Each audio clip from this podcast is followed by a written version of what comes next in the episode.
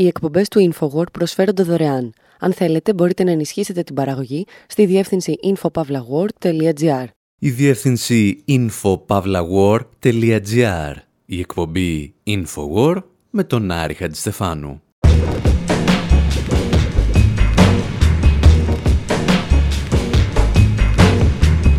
όπου σήμερα παρακολουθούμε ορισμένες από τις επικοινωνιακές τεχνικές που χρησιμοποιούν οι υποψήφοι στις εκλογές και με φρίκι διαπιστώνουμε ότι τις έχουν αντιγράψει από τον Αδόλφο Χίτλερ. Επιστρέφουμε στις εκλογές του 1932 στη Γερμανία και σχολιάζουμε τις αφήσει των κομμάτων, τις μετακινήσεις ενός πολιτικού με αεροπλάνο και έναν υποψήφιο που έδειχνε να βρίσκεται την ίδια στιγμή σε διαφορετικά σημεία της χώρας. Χωρίς να υποστηρίζουμε ότι οι σημερινοί πολιτικοί που χρησιμοποιούν τις ίδιες τεχνικές είναι ναζιστές, φοβόμαστε ότι έχουν ένα κοινό επικοινωνιακό όπλο, τον φόβο. Και ύστερα μένουμε στη Γερμανία της δεκαετίας του 20 και του 30, αλλάζοντας ελαφρώς το θέμα. Συζητάμε για μια Τζέννη που ήρθαν κάτι πειρατές να τη βοηθήσουν και αυτή έκαψε μια πόλη. Και το κάνουμε με τη βοήθεια της Νίνα Σιμών, του David Bowie και του Lars von Trier.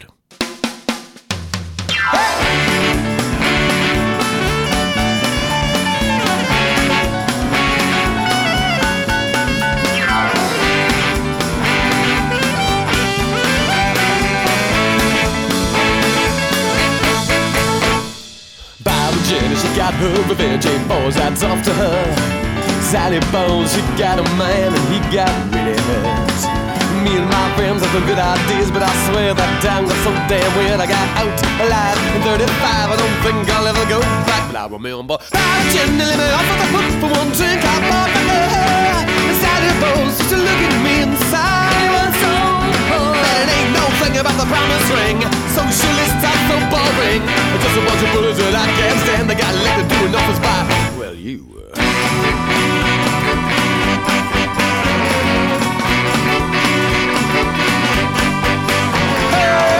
chain to ship on the bar. Now everybody, what's the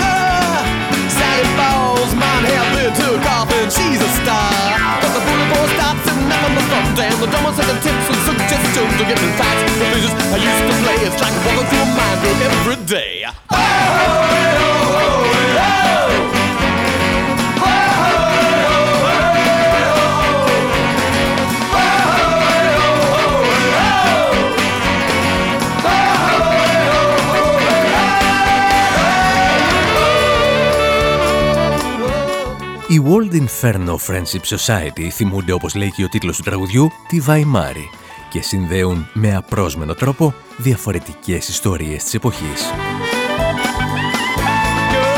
Καταρχάς υπάρχουν αναφορές στην προπαγανδιστική ταινία «Ο θρίαμβος της θέλησης» που σκηνοθέτησε η Λένι Ρίφενσταλ για τον Χίτλερ.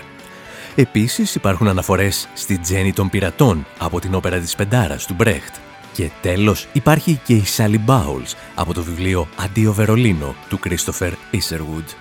Το βιβλίο που ενέπνευσε το musical «Καμπάρε».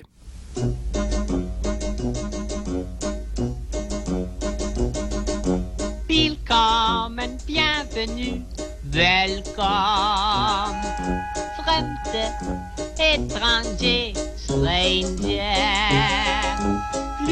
Glücklich zu sehen, just wie enchanté. Happy to see you, bleibe reste stay. Willkommen, bienvenue. Εάν θυμάστε, η Σάλη τραγουδούσε σε ένα καμπαρέ και ονειρευόταν είτε να γίνει μεγάλη ηθοποιός ή να βρει κάποιον ευκατάστατο κύριο να την αποκαταστήσει. Η Τζένι πάλι εργαζόταν ως καθαρίστρια σε ένα ξενοδοχείο και αναγκαζόταν να υπόκειται στον εξευτελισμό των πελατών. Αυτή ονειρευόταν να έρθει το πειρατικό και να τη βοηθήσει να κάψει την πόλη. Και η Λένη, όπως είπαμε, γύριζε τις ταινίες του Χίτλερ με την προπαγάνδα της εποχής. Αυτές οι τρεις γυναίκες, ή τουλάχιστον η κυρίαρχη αντίληψη για αυτές, θα μπορούσε να περιγράψει με τον καλύτερο τρόπο τα τελευταία χρόνια της δημοκρατίας της Βαϊμάρης. Η ταπείνωση και η ανάγκη για εκδίκηση της Τζέννη, η ελευθεριότητα της Σάλι και η προπαγάνδα της Λένη. Όλα αυτά όμως ή θα καταστραφούν ή θα μετατραπούν σε εργαλεία για την επικράτηση του ναζιστικού κόμματος. Στις εκλογές του Ιουλίου του 1932, το επιτελείο του Χίτλερ οργανώνει μια προεκλογική εκστρατεία που θα αλλάξει την ιστορία της επικοινωνιακής διαχείρισης των εκλογών. Μια ιδέα του τι θα ακολουθούσε έδινε σε παλαιότερη ομιλία του ο Τόμας Τσάιλντερς, καθηγητής ιστορίας στο Πανεπιστήμιο της Πενσιλβάνιας στις Ηνωμένες Πολιτείες. The Nazis launched a massive media blitz unparalleled in German history. Οι Ναζί ξεκίνησαν μια γιγαντιαία επικοινωνιακή καμπάνια απαράμιλης στη γερμανική ιστορία. Ο Γκέμπελς και τα στελέχη του Υπουργείου Προπαγάνδας έδειξαν τι μπορούσαν να πετύχουν τώρα που είχαν περισσότερα χρήματα και περισσότερα μέλη να έρχονται με μεγαλύτερο ρυθμό.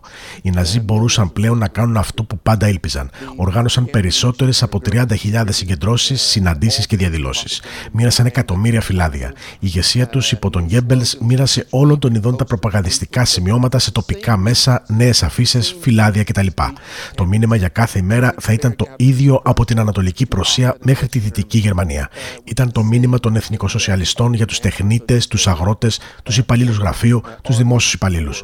Και όλοι οι ομιλητές θα μιλούσαν για το ίδιο πράγμα σε όλη τη χώρα.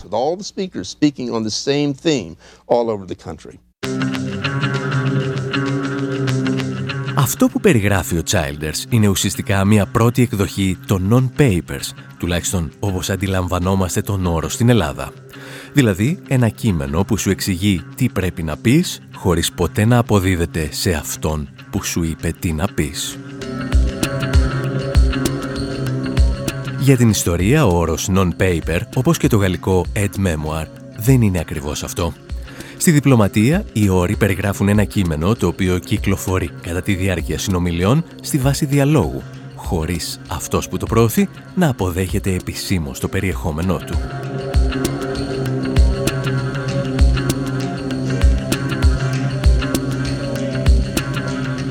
Κάθε ημέρα λοιπόν, τα στελέχη και οι οπαδοί του ναζιστικού κόμματος λάμβαναν την προεκλογική γραμμή, την οποία επαναλάμβαναν με κάθε ευκαιρία. Άλλες φορές τέτοιου είδους κείμενα κατευθύνονταν απευθείας στις εφημερίδες της εποχής, οι οποίες είχαν την κακή συνήθεια τότε, όπως και σήμερα, να τα αναδημοσιεύουν αυτούσια. Λίγους μήνες μετά τις προεδρικές εκλογές του 1932 στη Γερμανία, ο Χέλμουτ Βον Βουιλόκι, ένας από τους σημαντικότερους προπαγανδιστές του ναζιστικού κόμματος, παρουσίασε μια εκτενή αναφορά για τις μεθόδους που χρησιμοποίησε το κόμμα κατά τη διάρκεια της προεκλογικής περίοδου. Και σε αυτό το κείμενο παρουσίασε μεταξύ άλλων τον τρόπο με τον οποίο το κόμμα φύτευε έτοιμα κείμενα στις εφημερίδες της εποχής. Ένα άλλο κομμάτι της προπαγάνδας μας για τις εφημερίδες είναι να παρέχουμε στο λεγόμενο αντικειμενικό ή ουδέτερο τύπο ειδήσει και υλικό που στηρίζει τις απόψεις μας. Καταφέραμε να παρέχουμε σε πολυάριθμες εφημερίδες της επαρχίας υλικό από το δικό μας πρακτορείο τύπου. Πολλές αποδέχτηκαν με χαρά το υλικό μας, ειδικά αφού μπορούν να το λάβουν χωρίς κόστος και έτοιμο για εκτύπωση. Η συγκεκριμένη τεχνική παραπέμπει στα λεγόμενα advertorial, τα διαφημιστικά κείμενα τα οποία παρουσιάζονται με τη μορφή δημοσιογραφικού κειμένου. Θεωρητικά, πρόκειται για κείμενα τα οποία οφείλουν να ενημερώνουν τον αναγνώστη ότι αποτελούν ξένη καταχώρηση. Αλλά ειδικά στην Ελλάδα, αυτό έχει να συμβεί εδώ και περίπου 10 χρόνια. Μετεξέλιξη των advertorial είναι τα λεγόμενα video news releases, έτοιμα τηλεοπτικά ρεπορτάζ τα οποία εταιρείες στέλνουν σε τηλεοπτικούς σταθμούς και αυτοί τα προβάλλουν σαν να ήταν δικά τους ρεπορτάζ όπως κάνει παραδείγματος χάρη η Amazon στις Ηνωμένε Πολιτείε. Millions of Americans staying at home are relying on Amazon. Millions of Americans staying at home are relying on Amazon. Millions of Americans staying at home are relying on Amazon. Millions of Americans staying at home are relying on Amazon. Αυτά σε περίπτωση που δεν είχατε καταλάβει γιατί τα ρεπορτάζ των τηλεοπτικών σταθμών μερικές φορές ακούγονται απελπιστικά όμοια μεταξύ τους στο χάρτη των πράσινων αερομεταφορών. Στον χάρτη των πράσινων αερομεταφορών βάζει την Ελλάδα. Στον χάρτη των πράσινων αερομεταφορών βάζει την Ελλάδα η στρατηγική συμφωνία Αιτζίαν Ελληνικών Πετρελαίων για τη χρήση βιώσιμων αεροπορικών καυσίμων ΣΑΦ. Τα video news releases είναι λοιπόν η μετεξέλιξη των έτοιμων κειμένων που φύτευε ο Χίτλερ σε εφημερίδες της Γερμανίας. Το ναζιστικό κόμμα όμως καινοτομούσε τότε και στην κινούμενη εικόνα. Για την ακρίβεια, ο προπαγανδιστικός μηχανισμός του Χίτλερ ήταν ο πρώτος που δημιούργησε κινηματογραφικά προεκλογικά σποτ με ήχο. Τα εξηγούσε και πάλι ο Χέλμουτ Βον Βιλόκι χρησιμοποίησαμε ταινίες με ήχο για πρώτη φορά σε αυτή την προεκλογική καμπάνια. Παρά τον περιορισμένο χρόνο, καταφέραμε να οργανώσουμε περίπου 200 προβολές σε 70 μέρη. Μερικές φορές μπορέσαμε να δείξουμε την ταινία μας κατά τη διάρκεια των κανονικών προβολών ταινιών. Συνήθως κανονίζαμε ειδικές εκδηλώσεις σε συνδυασμό με την ταινία. Οι ταινίες μας έγιναν παντού δεκτές με ενδιαφέρον και ενθουσιασμό. Οι ταινίες με τον Φίρερ και τους συντρόφους του κόμματος, τον Γκέμπελ, τον Στράσερ και τον Γκέρινγκ ήταν ιδιαίτερα επιτυχημένες. Μπορούσαμε ήδη να πούμε πως οι ταινίες με ήχο είναι μια ενδιαφέρουσα προσθήκη στην προπαγανδιστική μας δραστηριότητα. Οι Ναζί λοιπόν καινοτομούσαν και στο χώρο του ομιλώντα κινηματογράφου, τον οποίο χρησιμοποιούν για πρώτη φορά σε προεκλογική εκστρατεία. Παρ' όλα αυτά, οι εκλογές της δεκαετίας του 30 ανήκαν ακόμη στο χώρο των έντυπων. Είτε αυτά ήταν περιοδικά, είτε εφημερίδες και αφήσεις. Το λόγο λοιπόν έπαιρναν και πάλι οι γραφίστες του κόμματος. What one sees in looking at Nazi campaigns in 1932 was an attention to detail, to something they called Kleinarbeit, Όταν κανείς κοιτάξει τις καμπάνιες των Ναζί το 1932, βλέπει την προσοχή που αποδίδουν στη λεπτομέρεια, κάτι που αποκαλούσαν Klein Arbeit. Ποιες αφήσει δουλεύουν, ποια χρώματα είναι καλύτερα, οι αφήσει του Χίτλερ που τον έχουν ανφά ή αυτές με το προφίλ. Τι είδους εικόνες τραβούν την προσοχή των αγροτών, των δημοσίων υπαλλήλων. Κάθε εβδομάδα έβγαζαν τους ανθρώπους τους στο πεδίο για να γράψουν μια έκθεση. Αυτή η αφήσα δούλεψε καλύτερα, αυτό το σύνθημα χτύπησε μια ευαίσθητη χορδή. Και έπειτα η ηγεσία της προπαγάνδας θα έστειλε διαταγή σε όλους. Αυτό δουλεύει με τους δημοσίου υπαλλήλους, εκείνο με τους αγρότες.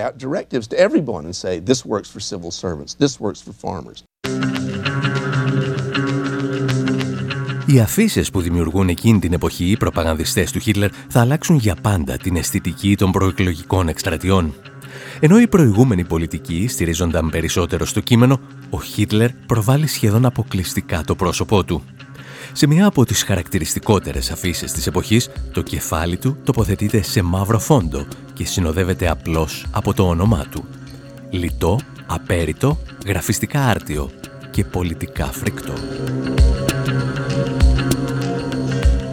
Όπως ακούσατε όμως, ακόμη και αυτή η γραφιστική δουλειά διαφοροποιείται με αυτό που σήμερα οι επικοινωνιολόγοι αποκαλούν niche campaign, δηλαδή εξατομικευμένη ή στοχευμένη εκστρατεία. Το ναζιστικό κόμμα δηλαδή παρουσιάζει διαφορετικό υλικό όταν απευθύνεται σε αγρότες, διαφορετικό όταν απευθύνεται σε εργάτες ή δημόσιους υπαλλήλους και ούτω καθεξής. Να σημειωθεί ότι σε αρκετές χώρες όπως η Ελλάδα τέτοιου είδους στοχευμένες εκστρατείες ήταν ιδιαίτερα δύσκολο και κοστοβόρο να λειτουργήσουν τουλάχιστον μέχρι την εμφάνιση του ίντερνετ. Τα εκλογικά επιτελεία έπρεπε δηλαδή να περιμένουν πλατφόρμες όπως το Facebook ή το Twitter, τα οποία κατέγραφαν το προφίλ των χρηστών τους ώστε να μπορούν να στείλουν στοχευμένα μηνύματα. Ο Χίτλερ αυτά τα έκανε πριν από έναν αιώνα.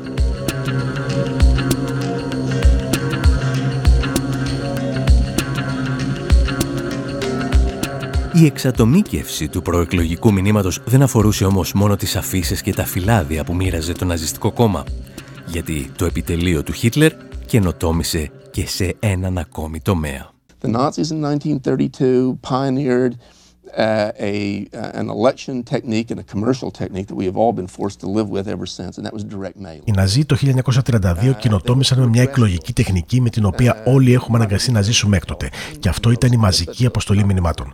Εκείνη την εποχή δεν είχαν όλοι οι Γερμανοί τηλέφωνο. Όμως η κάθε πόλη, η κάθε γειτονιά είχε ένα βιβλίο διευθύνσεων, στο οποίο ονοματιζόταν επικεφαλής του κάθε νοικοκυριού και το επάγγελμά του. Οι Ναζί μελέτησαν αυτά τα βιβλία διευθύνσεων και έστελναν απευθείας επιστολές γραμμένες για παράδειγμα από έναν δημόσιο υπάλληλο σε όλους τους δημόσιους υπαλλήλους σε εκείνη την πόλη ή τη γειτονιά. Ένας διαφορετικός ναζί, ένας αγρότης, θα έγραφε επιστολή που θα φαινόταν σαν προσωπική επιστολή σε όλους τους αγρότες.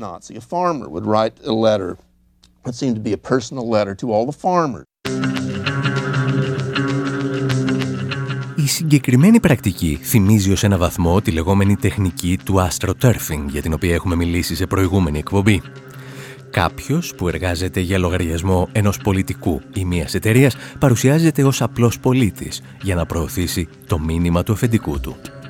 Συνήθως πίσω από τέτοιες εκστρατείες βρίσκονται εταιρείες λόμπι και δημοσίων σχέσεων, οι οποίες δημιουργούν την αίσθηση ότι υπάρχουν αυθόρμητες λαϊκές αντιδράσεις από ευρεία στρώματα του πληθυσμού.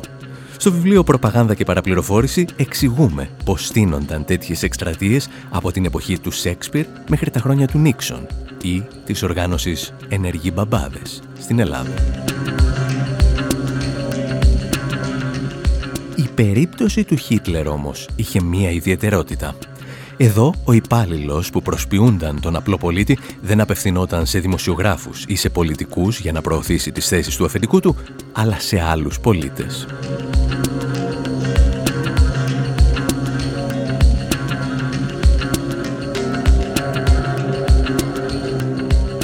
Για να ανακεφαλαιώσουμε λοιπόν ο Χίτλερ έκανε niche campaign, δηλαδή στοχευμένες εκστρατείες, χρησιμοποιώντας πρωτοποριακό σχεδιασμό στις αφήσεις. Έστελνε non-paper στα στελέχη του κόμματος, τοποθετούσε advertorial κείμενα σε εφημερίδες, πραγματοποιούσε εκστρατείες που παραπέμπουν στην τεχνική του astroturfing και πολλά άλλα. Και ακόμη δεν έχουμε φτάσει στο καλύτερο, στα αεροπλάνα. And in the campaign's most dramatic stroke, Hitler took to the skies στην πιο δραματική στιγμή της καμπάνιας, ο Χίτλερ ανέβηκε στους ουρανούς, πετώντας από πόλη σε πόλη με ένα αεροπλάνο. Αυτό δεν είχε γίνει ποτέ και ονομάστηκε Deutschland Flug. Οι περισσότεροι Γερμανοί υποψήφοι δεν έκαναν αυτό που ήταν κοινό τόπο στις ΗΠΑ εκείνη την εποχή. Δηλαδή περιοδίες στις οποίες μιλούσαν μέσα από το τρένο. Αυτού του είδους η λαϊκιστική προσέγγιση πολιτικής ήταν ξένη στη γερμανική πολιτική. Όχι όμως με τους Ναζί, οι οποίοι πουλούσαν λαϊκισμό. Ο Χίτλερ ήταν ένας Mon van Volk, ένας άνθρωπος του λαού. Με το αεροπλάνο του βρισκόταν στο Κόνιξμπεργκ στην Προσία το πρωί και μετά θα μιλούσε στο Μόναχο το απόγευμα και έπειτα στην Κολονία το βράδυ. Κανείς δεν είχε δει κάτι παρόμοιο. Έδινε την εικόνα ενός παντοδύναμου ανθρώπου που μπορούσε να είναι πανταχού παρόν.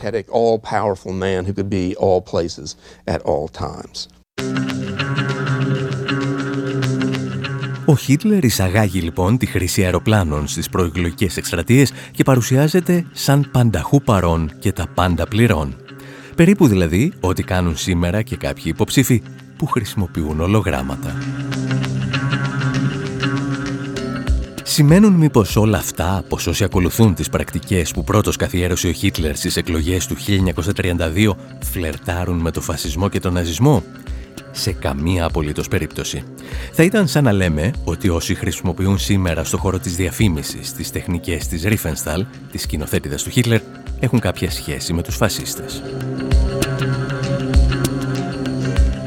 Υπάρχει όμως μία πρακτική η οποία περνά σχεδόν αυτούσια από τα χρόνια της ναζιστικής προπαγάνδας στις προεκλογικές τεχνικές σημερινών κομμάτων της δεξιάς. Η χρήση του φόβου στην προεκλογική εκστρατεία. The surge in crime. Uh, rising crime. A surge in crime. Crime wave. Surge in crime. Crime wave. Rising crime rates. Surge in crime. Crime wave. Full scale crime wave. Massive crime wave. Οι φράσεις που ακούτε για το κύμα εγκληματικότητας που υποτίθεται ότι πλήττει τις Ηνωμένες Πολιτείες ανήκουν σε δημοσιογράφους και σχολιαστές του ακροδεξιού δικτύου Fox News στις Ηνωμένες Πολιτείες. Τα περισσότερα από τα σχετικά ρεπορτάζ μεταδόθηκαν πριν από τις ενδιάμεσες εκλογές του 2022. Και ύστερα συνέβη κάτι αναπάντεχο. Την εβδομάδα αμέσως μετά τις εκλογές, οι ειδήσεις που αφορούσαν βία εγκλήματα στην Αμερική μειώθηκαν κατά περίπου 50% στο Fox News. Προφανώς δεν είχε μεταβληθεί η εγκληματικότητα μέσα σε μία εβδομάδα. Απλώς πριν από τις εκλογές, ο σταθμός παρουσίαζε συνεχώς ειδήσεις από το αστυνομικό δελτίο για να ενισχύσει τους ρεπουμπλικάνους υποψηφίους που κατέβαιναν με την ατζέντα του νόμου και της τάξης. Και αυτή η τεχνική είναι βγαλμένη απευθείας από το εγχειρίδιο τρομολαγνίας που έφερε τον Αδόλφο Χίτλερ στην εξουσία. Μαζί φυσικά με μια μικρή ενίσχυση που δέχθηκε από το Σύνδεσμο Γερμανών Βιομηχάνων. Εσείς πάλι, αν θέλετε να μάθετε περισσότερα για αυτά τα θέματα, θα τα βρείτε στο βιβλίο «Προπαγάνδα και παραπληροφόρηση» που κυκλοφορεί από τις εκδόσεις «Τόπος».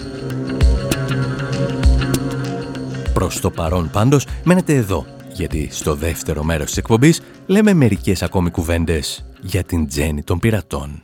Οι εκπομπές του InfoWord προσφέρονται δωρεάν. Αν θέλετε μπορείτε να ενισχύσετε την παραγωγή στη διεύθυνση infopavlagor.gr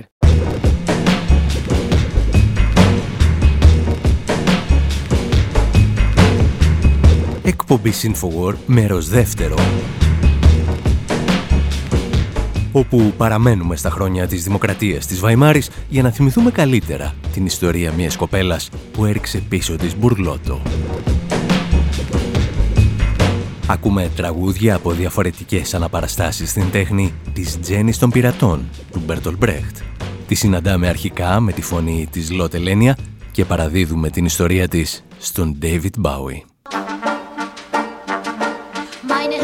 Sehen Sie mich Gläser abwaschen und ich mache das Bett für jeden. Und Sie geben mir einen Penny und ich bedanke mich schnell. Und Sie sehen meine Lumpen und das lumpige Hotel und Sie wissen nicht, mit wem Sie reden. Und Sie wissen nicht, mit wem Sie reden. Aber eines Tages wird ein Geschrei sein am Hafen und man fragt, was ist das für ein Geschrei? Und man wird mich lächeln sehen bei meinen Gläsern. Und man fragt, was lächelt die dabei?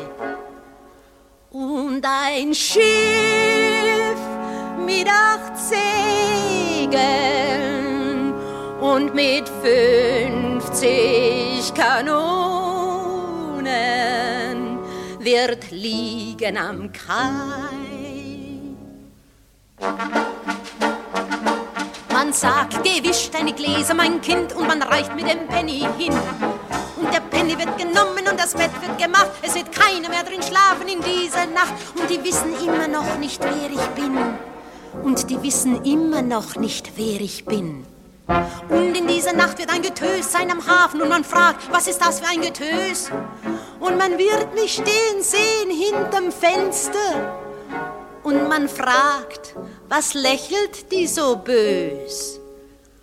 Und ein Schiff mit acht Segeln und mit 50 Kanonen wird beschießen die Stadt. Είναι 31 Αυγούστου του 1928. Ο Χίτλερ διεκδικεί ήδη την εξουσία με τη βοήθεια του συνδέσμου των Γερμανών βιομηχάνων. Γιατί κάθε καλός ναζιστής που σέβεται τον εαυτό του έχει πάντα τη στήριξη των βιομηχάνων και ενίοτε και των εφοπλιστών. Για την ακρίβεια είναι δημιούργημά τους. Αλλά αυτό θα το συζητήσουμε μια άλλη φορά.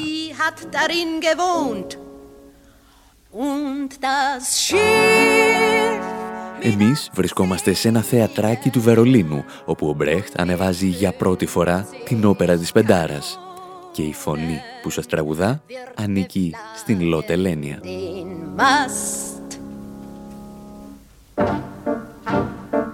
Αν θυμάστε, όπως είχαμε ξαναπεί, ήταν μία από τις παραστάσεις όπου όλα πήγαν στραβά και ανάποδα. Οι παραγωγοί ξέχασαν ακόμη και να βάλουν το όνομα της Λοτελένια στο πρόγραμμα. Αλλά αυτό δεν μας αφορά καθόλου σήμερα. Αυτό που μας αφορά είναι η στίχη του τραγουδιού, η Τζέννη των πειρατών. Η ηρωίδα του τραγουδιού στρώνει καθημερινά τα σεντόνια σε ένα κακόφημο ξενοδοχείο κοντά στο λιμάνι και οι πελάτες για μερικές δεκάρες πιστεύουν ότι είναι υποχρεωμένοι να τους κάνει όλα τα χατήρια. Και ένα μαύρο καράβι με πενήντα κανόνια στο λιμάνι Μέχρι που μία ημέρα λοιπόν φτάνει στο λιμάνι ένα πειρατικό με 50 κανόνια και οι πειρατές ισοπεδώνουν τα πάντα. Τα πάντα εκτός από εκείνο το κακόφημο ξενοδοχείο. Οι πειρατές έχουν έρθει για να σώσουν την Τζέννη και να κάνουν ό,τι τους ζητήσει. Και αυτή ήταν που τους ζήτησε να μην αφήσουν κανένα ζωντανό. Μια ιστορία που θα μας διηγηθεί αρκετά χρόνια αργότερα και η Νίνα Σιμών. Την ακούμε και επιστρέφουμε. Can watch while I'm scrubbing these floors and I'm scrubbing the floors while you're gawking. Maybe once you tip me and it makes you feel swell in this crummy southern town in this crummy old hotel, but you'll never guess to who you're talking. No, you could never guess to who you're talking.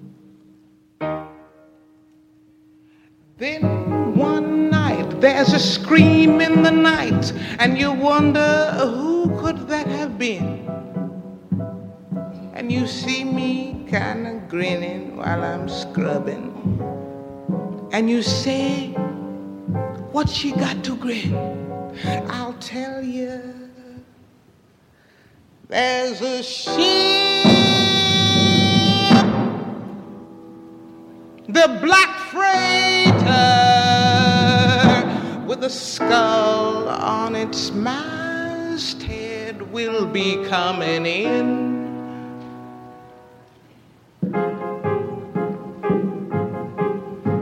You gentlemen can say, hey gal, finish them floors, get upstairs. What's wrong with you? Earn your keep here.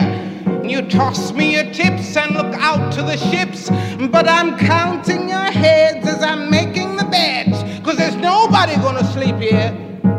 Tonight, nobody's gonna sleep here, honey. Nobody. Nobody.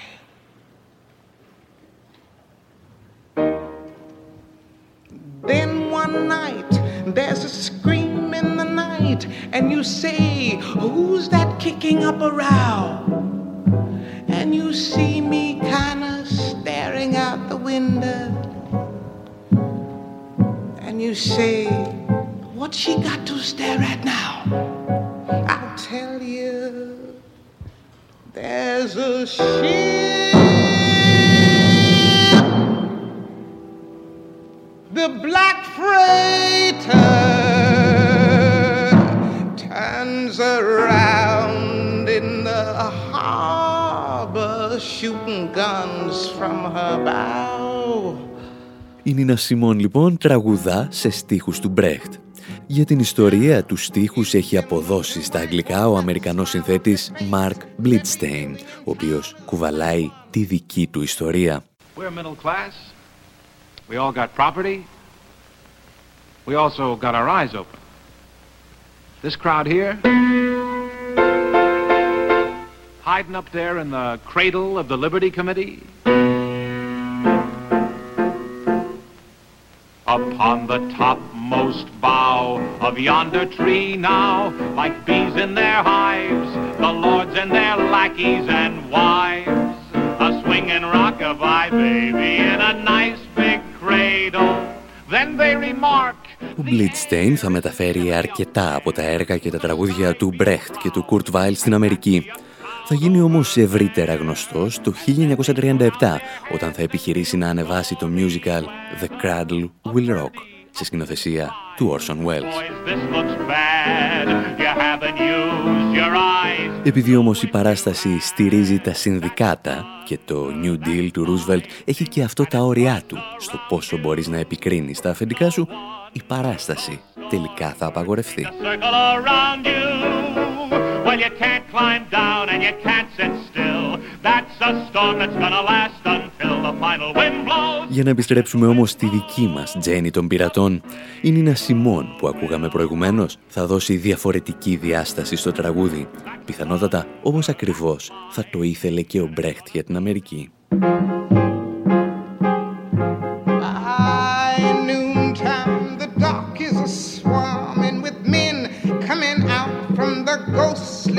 praise.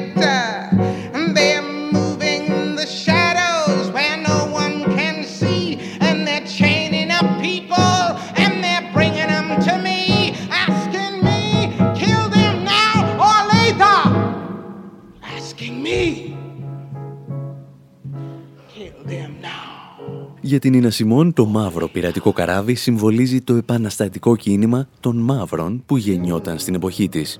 Ένα κύμα καταπιεσμένων πρώην σκλάβων, οι οποίοι μετατρέπονται σε μισθωτούς σκλάβους και στηβάζονται σε γκέτο. You can hear. Το αμερικανικό σύστημα τους απομάκρυνε για να μην ενοχλούν τους WASP, τους λευκούς Αγγλοσάξονες προτεστάντες, τη μαγική μεσαία τάξη που θα απολάμβανε το μεταπολεμικό οικονομικό θαύμα. death, I'll say, Η Νίνα Σιμών μπορούσε να το κάνει, γιατί το τι ακριβώς ήθελε να πει ο Μπέρτολ Μπρέχτ με τους στίχους του τραγουδιού επιδέχεται πάντα πολλές ερμηνείες. Πολλές φορές τα τραγούδια των παραστάσεών του δεν είχαν την παραμικρή σχέση με το έργο. Ήταν ένα διαλεκτικό χαστούκι στον θεατή. Άλλες φορές όμως έδαιναν απόλυτα με την παράσταση. Και αυτή φαίνεται να είναι και η περίπτωση της Τζέννης των πειρατών.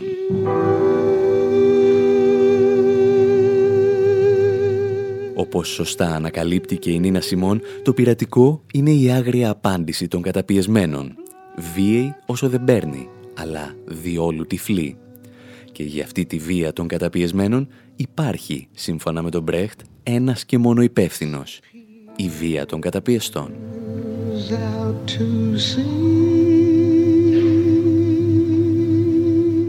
Τα έλεγαν όμως πολύ καλύτερα οι Γερμανοί The Young Gods στην αγαπημένη μας ίσως διασκευή για την Τζέννη των πειρατών.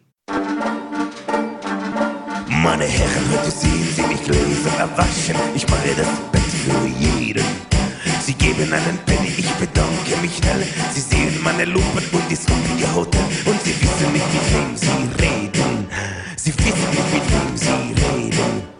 Aber eines Tages wir ein Geschrei seinem Hafen und man fragt, was ist das für ein Geschrei?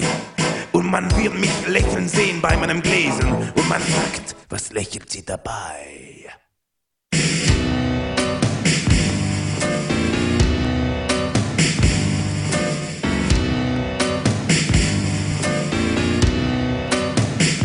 and I'm sure.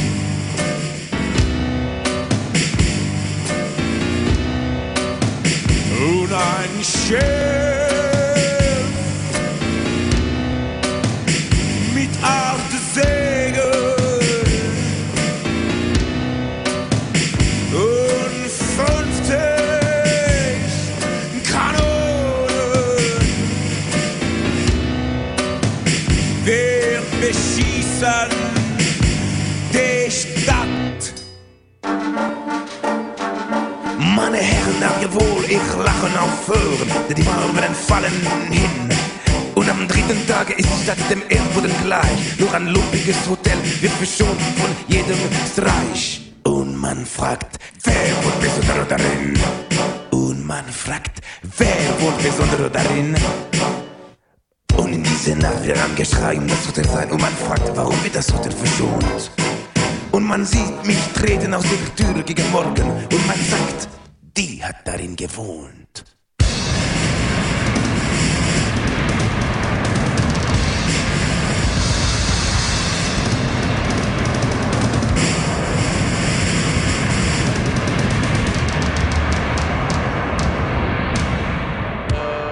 Παραμένετε στην εκπομπή Infowar με τον Άρη Χατζηστεφάνου. Gegen Mittag am Land. Und die werden in den Schatten. Και αν τελικά αυτή την ιστορία υποψιάζεστε ότι κάπου την έχετε ξανακούσει, είναι γιατί σας την διηγήθηκε πριν από μερικά χρόνια ο Λάρσον Τρίερ στην ταινία του Dogville. Und mich fragen. Μόνο που εκεί δεν τραγουδούσαν οι Young Gods, αλλά ο David Bowie, το Young Americans.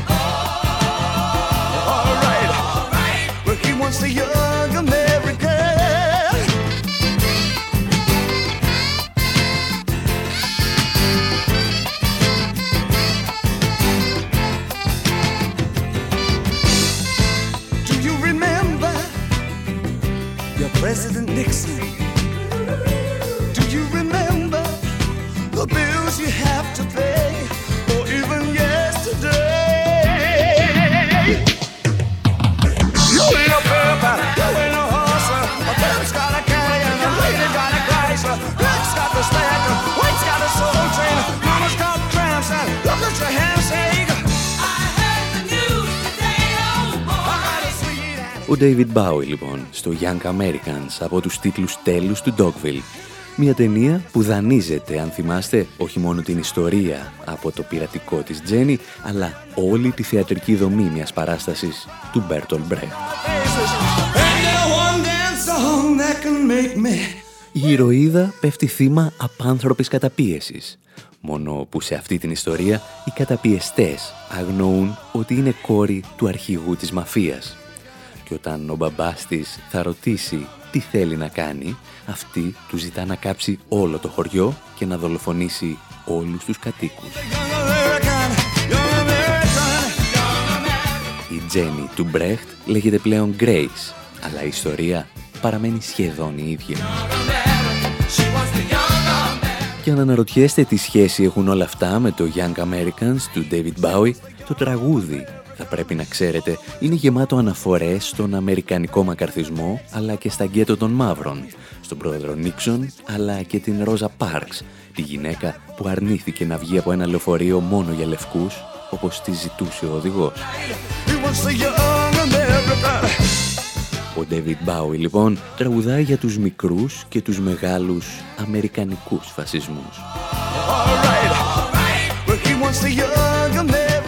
Και ένας από αυτούς τους φασισμούς που τότε άκουγε στο όνομα μακαρθισμός θα στραφεί και εναντίον του ίδιου του Μπρέχτ, ο οποίος να θυμίσουμε βρέθηκε για πρώτη φορά στις Ηνωμένες Πολιτείες για να γλιτώσει από τις ναζιστικές θηριωδίες. Στο απόγειο του μακαρθισμού, η Επιτροπή Αντιαμερικανικών Δραστηριοτήτων θα καλέσει τον Μπρέχτ να απολογηθεί για το αν υπήρχαν ιδέες του Μάρξ και του Λένιν στα έργα του. Και αυτός, γνωρίζοντας από πρώτο χέρι ότι ο φασισμός, όπως και η βλακεία, είναι ανίκητα, θα προτιμήσει να παίξει το παιχνίδι των ιεροεξεταστών του, κοροϊδεύοντας την Επιτροπή. Uh, Mr. Brecht, is it true that you have written a number of very revolutionary poems, plays, and other writings? Όταν τον ρωτούσαν αν έγραφε επαναστατικά ποίηματα, τους απαντούσε ότι τα έγραφε για να ανατρέψει τον Χίτλερ. Όταν τον ρωτούν αν συμμετείχε σε συναντήσεις του Κομμουνιστικού Κόμματος, τους απαντά πιθανότατα όχι. Και όταν αυτοί επιμένουν, τους έλεγε «Είμαι σχεδόν σίγουρος πως μάλλον όχι». Και όταν τα πράγματα ζόριζαν, τα μέλη της Επιτροπής άρχιζαν να διαβάζουν μέσα στην αίθουσα ποίηματα του Μπρέχτ. Και όσοι έχετε διαβάσει το κείμενο του Μπρέχτ «Πέντε δυσκολίες για να πει κανείς την αλήθεια», θα καταλάβατε ήδη ότι ο ποιητής μας είχε κερδίσει και αυτή τη μάχη. Το να οδηγήσεις τους ιεροεξεταστές σου να διαβάζουν μαρξιστικά ποίηματα μέσα στην Επιτροπή Αντιαμερικανικών Δραστηριοτήτων είναι και αυτό μια νίκη της λογικής απέναντι στην ηλικιότητα. Εμείς όμως κάπου εδώ θα σας αφήσουμε και για αυτή την εβδομάδα. Από τον Άρη Χατζηστεφάνου στο μικρόφωνο και τον Δημήτρη Σταθόπουλο στην τεχνική επιμέλεια, γεια σας και χαρά σας.